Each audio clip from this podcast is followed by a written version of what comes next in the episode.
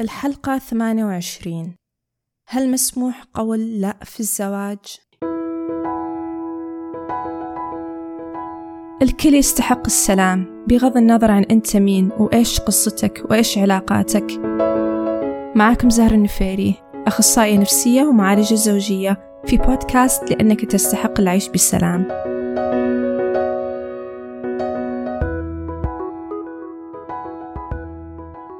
قاعدين نلاحظ مؤخرا في العلاقات بشكل عام أنه صار صعب معرفة إيش اللي من حقي أو إيش اللي جاي من فقط أفكار مجتمعية جديدة. يعني من المثير للاهتمام أن فعليا في كثير ما يعرفون إيش الحد بين الموافقة والرفض متى يكون من الصحي والأفضل أن نوافق ونقول نعم ومتى من الصحي والأفضل أن نقول لأ. ومع عدم معرفة إيش الأفضل قاعد يجي خوف أن شريكي ممكن يستغلني إذا أنا باستمرار قلت نعم. أو أخاف أنه يهجرني إذا ظليت أقول لا. فإيش الصح طيب؟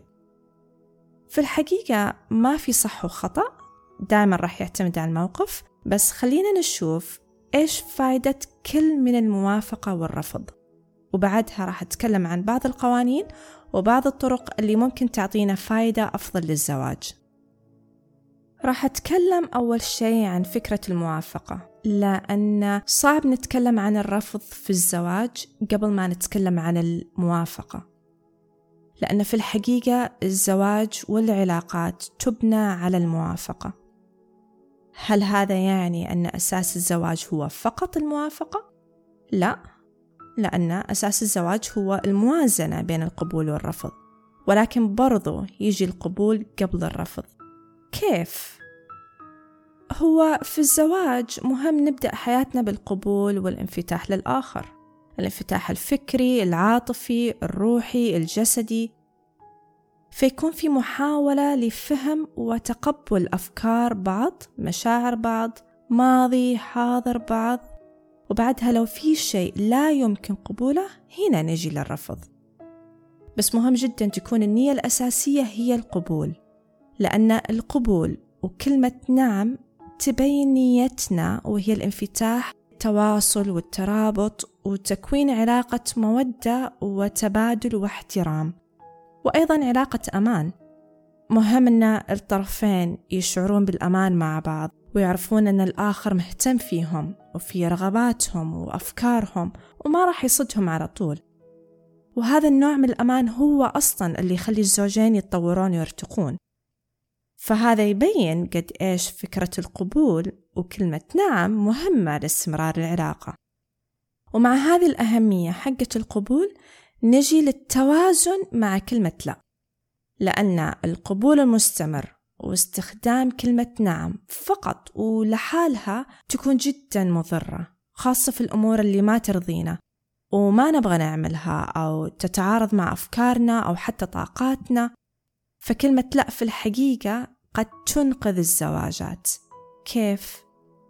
من الطبيعي جدا أن كل إنسان يحتاج يرفض بعض الأمور مهما كان يحب الآخر ويفهمه ويتفق معه إلا أن في دائما بتكون في أمور معينة ما تناسبة. فمش من الصحة أن يكون الزواج خالي من كلمة لا. كلمة لا تساعدنا دائما أن إحنا نوضح حدودنا علشان نقدر نحافظ على سلامة فكرنا عقلنا مشاعرنا وحتى ممكن قيمنا. فلما يكون في قبول مستمر بالرغم من مثلا اضطهاد الآخر أو لما نوافق على جميع أفكاره فقط لإرضائه أو نوافق لنتفادى المشاكل. فهذا لا يؤدي فعليا إلى علاقة صحية ولا إلى علاقة سليمة لأن مع الوقت راح نشوف أنفسنا صار في تضخم داخلنا بمشاعر غضب استياء حزن ووحدة. الشيء الثاني اللي يخلي كلمة لا فعلا تنقذ الزواجات هي لأنها تساعدنا نكون واضحين وصريحين برغباتنا. لما نقول نعم وإحنا ما نعني فعلا الكلمة وبعدين نعاقب الآخر فهذا مش عدل ولا منطقي. لما مثلا أحد يقول إيوة أوكي أنا موافق أو موافقة آه، روح سافر لحالك. أو إيوة اطلعي مع صحباتك أو سوي اللي تبغاه. وهو من داخل مش فعليا موافق. ويجي بعدها يعاقب الثاني لما يسوي اللي هو وافق أصلا عليه. مثلا لما هي ترجع من طلعتها هو خلاص ما يكلمها وزعلان منها لأنها طلعت. أو هي تروح بيت أهلها زعلانة أو يختلقون مشكلة مرة كبيرة واتهامات وزعل بس لأن الشخص الثاني سوى الشيء طيب اللي هم أصلا من البداية وافقوا عليه. يصير عند الشخص الثاني خوف وعدم أمان. أن هل فعلا لما تقول لي إيوة أنك تعني هالكلمة ولا تقول لي إيوة وبعدين بيصير في تبعات؟ فالوضوح من البداية مهم جدا لسلامة العلاقة. ولكن طبعا الإفراط في استخدام كلمة لا برضو مش صحي أبدا ويدمر العلاقات. والمشكلة هنا خاصة في هذا العصر اللي يركز على الفردية. قاعدين نشوف أن في ناس كثيرة جالسة تقول لا أكثر من نعم. واستخدام كلمة لا صار يتعدى فقط للحماية الجسدية والنفسية. صار الرفض يشمل أي شيء يتعارض مع راحتي كفرد بغض النظر عن راحة الآخر أو مصلحة العلاقة. طبعا ما أقصد أن نقدم راحة الآخر دائما علينا ولكن مو خطأ إذا بين فترة وفترة عملنا شيء فقط للآخر خاصة إذا ما كان في أي ضرر فعلي علينا. مثلا يبغى يجرب مطعم جديد خليه يجرب مطعم جديد. تبغى هي تتكلم وأنت مالك مزاج؟ يا أنك تحدد وقت ثاني قريب بعد ما تروق أو أن خذ نفس واسمع لأن هالشي مهم لزوجتك مثلا. الزواج فيه دائما أخذ وعطاء وتنازل وتفاهم وهذا ما راح يجي إذا فكرنا فقط براحتنا.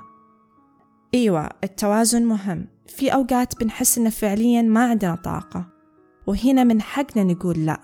ولكن بشرط لما نقول لا إحنا قصدنا الوقوف بصف حالنا وليس لأجل العناد والتحدي. وهنا راح نلاحظ أن أسلوبنا وطريقتنا راح تفرق. طيب إيش القانون؟ متى نقول إيوة ومتى نقول لا؟ في الحقيقة زي ما ذكرنا من البداية أن ما في قوانين ثابتة ولكن بشكل عام خلينا دائما نكون منفتحين للآخر حتى لو كنا معارضين إيش يعني؟ يعني لو الشخص الثاني قال شيء ما نقول على طول لا نسأل نقول أوكي ليش أنت تبغى هالشيء؟ أو ليش هالشيء مهم بالنسبة لك؟ أو قولي أو قولي لي أكثر إيش تقصدين؟ فهنا إحنا نصير منفتحين على عالم بعض أكثر نفهم بعض أكثر وهذا الشيء أفضل طبعا من أن على طول من البداية نقول لا. لو كان مثلا اللي قاله الشخص الآخر هو طلب وأنتم معارضين أبدا هذا الطلب. فخلوا الرفض يصير على الطلب نفسه مش على شريك حياتكم. مثلا لو كان الطلب هو خلينا نسوي شيء مع بعض نشوف فيلم مع بعض نتكلم أو نسافر آه، نعزم ناس أو نروح بيت أحد شيء إحنا نعمله مع بعض. وأنتم ما تبغون تسوونه. تقدرون تقولون هذه فكرة كويسة بحيث أن تقولون أيوة وإيش وخلينا نشوف وقت آخر أن نسوي هالشيء أو نعمله بطريقة أخرى. وتقول طبعا أسبابك توضح أن أنا أحس واحد اثنين ثلاثة. أو لأن كذا وكذا. فهنا نكون إحنا ما رفضنا كلام الشخص الثاني من البداية. نكون رفضنا الفكرة أو الكيفية أو التوقيت. هذا يساعد فعليا على تقليل دفاعية الشخص الآخر وعلى تقليل شعوره بالرفض. نجي لآخر نقطة. لو أن لاحظتوا أن أنتم من النوع اللي أصلا صعب تقولون لا دائما تقولون إيوة وتبغون تغيرون هالشي في حالكم فبيكون جزء من الموضوع هو أن أول شيء تفهمون السبب.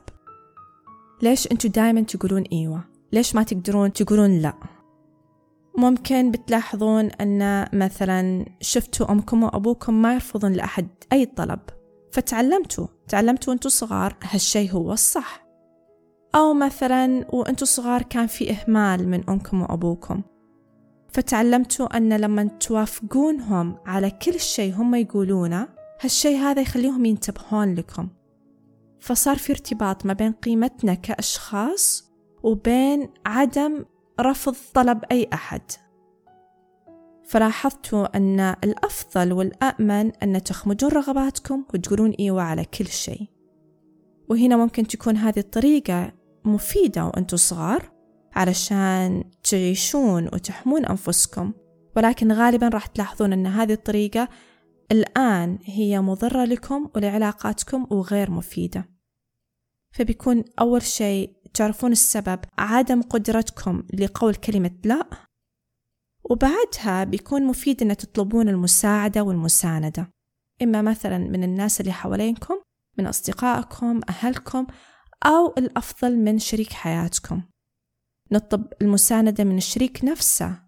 أن مثلا أنا اكتشفت أني دائما أوافق وأقول إيوة وهالشي هذا مش بسببك بسبب الطريقة اللي أنا تربيت فيها وتعلمتها فأنا الآن أبغى أظهر في زواجنا بشكل واضح وحقيقي وفعال وأبغى أني أغير هذه الطريقة.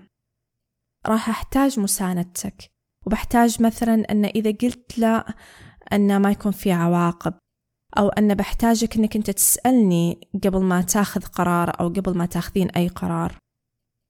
وهنا مع محاولة تغيير الطريقة راح نلاحظ أن مش سهل وبشكل عام لما شريكنا يقول لا هالشي هذا ما راح يخلينا نكون مبسوطين. بس علشان الزوجين اثنينهم يعيشون حياة حقيقية وين الأفضل؟ يحاولون يسألون بعض ويعيشون حياة حقيقية ويتحملون الطرفين إذا الآخر قال لا ويحاولون يفهمون أسبابه وإيش فكرته هل هالشي هذا أفضل؟ أو أن يظلون الزوجين يعيشون بكذبة؟ ويكتمون عن بعض وممكن أن بعدها ينفجرون. فهذه باختصار بعض النقاط لفكرة القبول والرفض في الزواج. متى نقول إيوة ومتى نقول لأ. أتمنى كانت حلقة مفيدة. يومكم سعيد جميعا ومع السلامة.